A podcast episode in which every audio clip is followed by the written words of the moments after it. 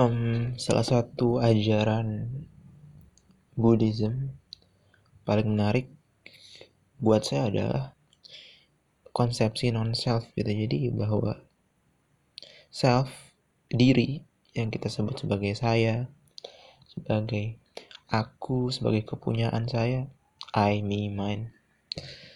Itu sebetulnya pada esensinya in a, in a real the deepest kind of reality. It it doesn't exist. There's no self. Dan buat saya itu konsep yang menarik because I've meditate with that kind of non-self. You know um kayak upaya untuk kayak realizing non-self by meditation on waking up podcast eh waking up waking up apps bukan podcast aplikasi dari Sam Harris dan I could, the scary part is I could feel it. I could glimpse that they actually have no self.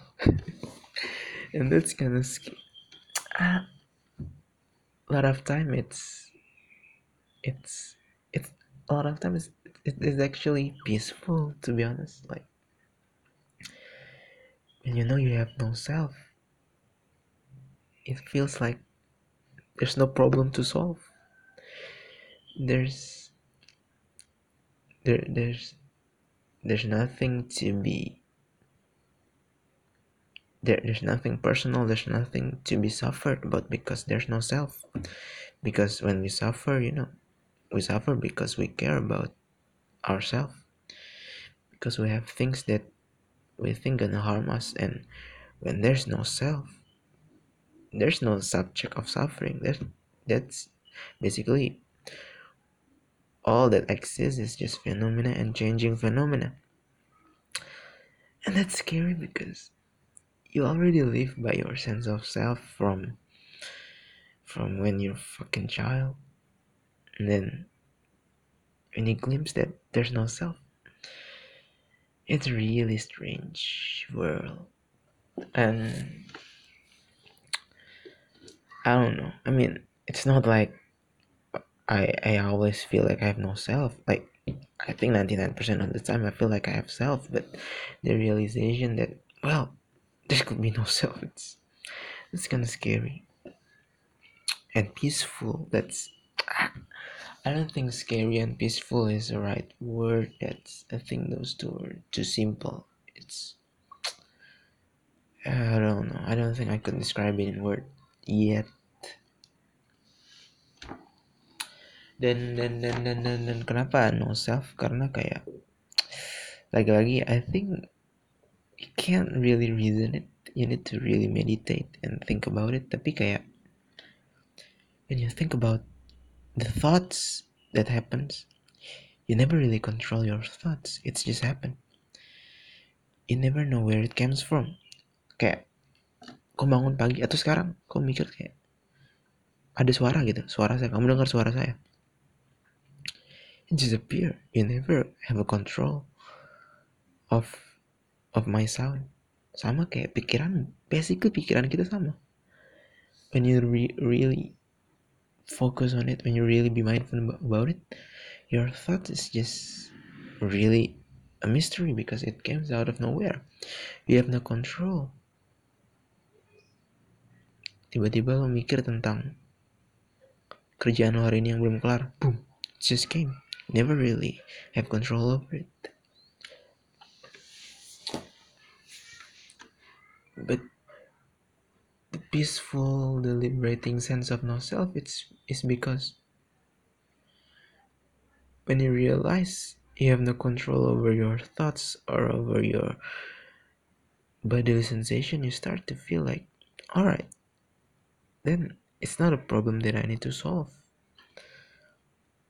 Then I just need to experience it and feel it and I don't need to read I don't need to to cling into it. I don't need to try to change something. I just need to feel it.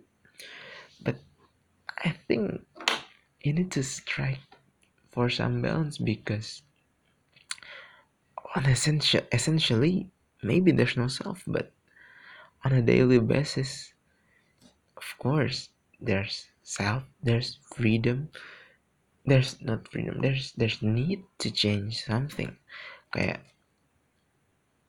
of course when i made this podcast when i record this shit of course i have some sense of self. I mean i just said i for like hundred times.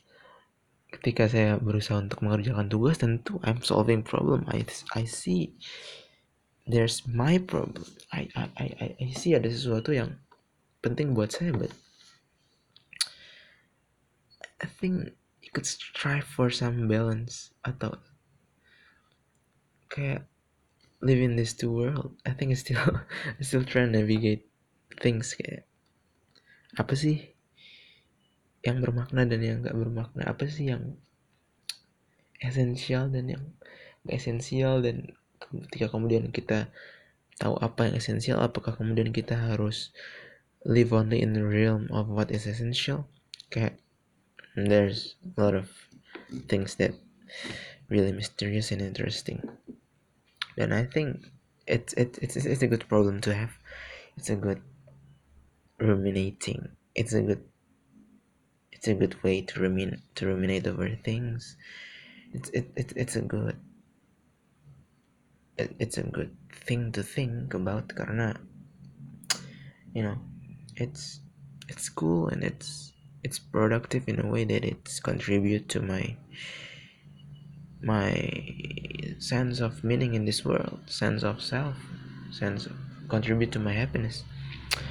It's kebingungan yang kan kebingungan yang I don't think it's not a bad confusion as long as I don't got into it real hard like not clinging into it like just embracing the the confusion and not really try to reason it and just feel it. And when I feel it I'm happy.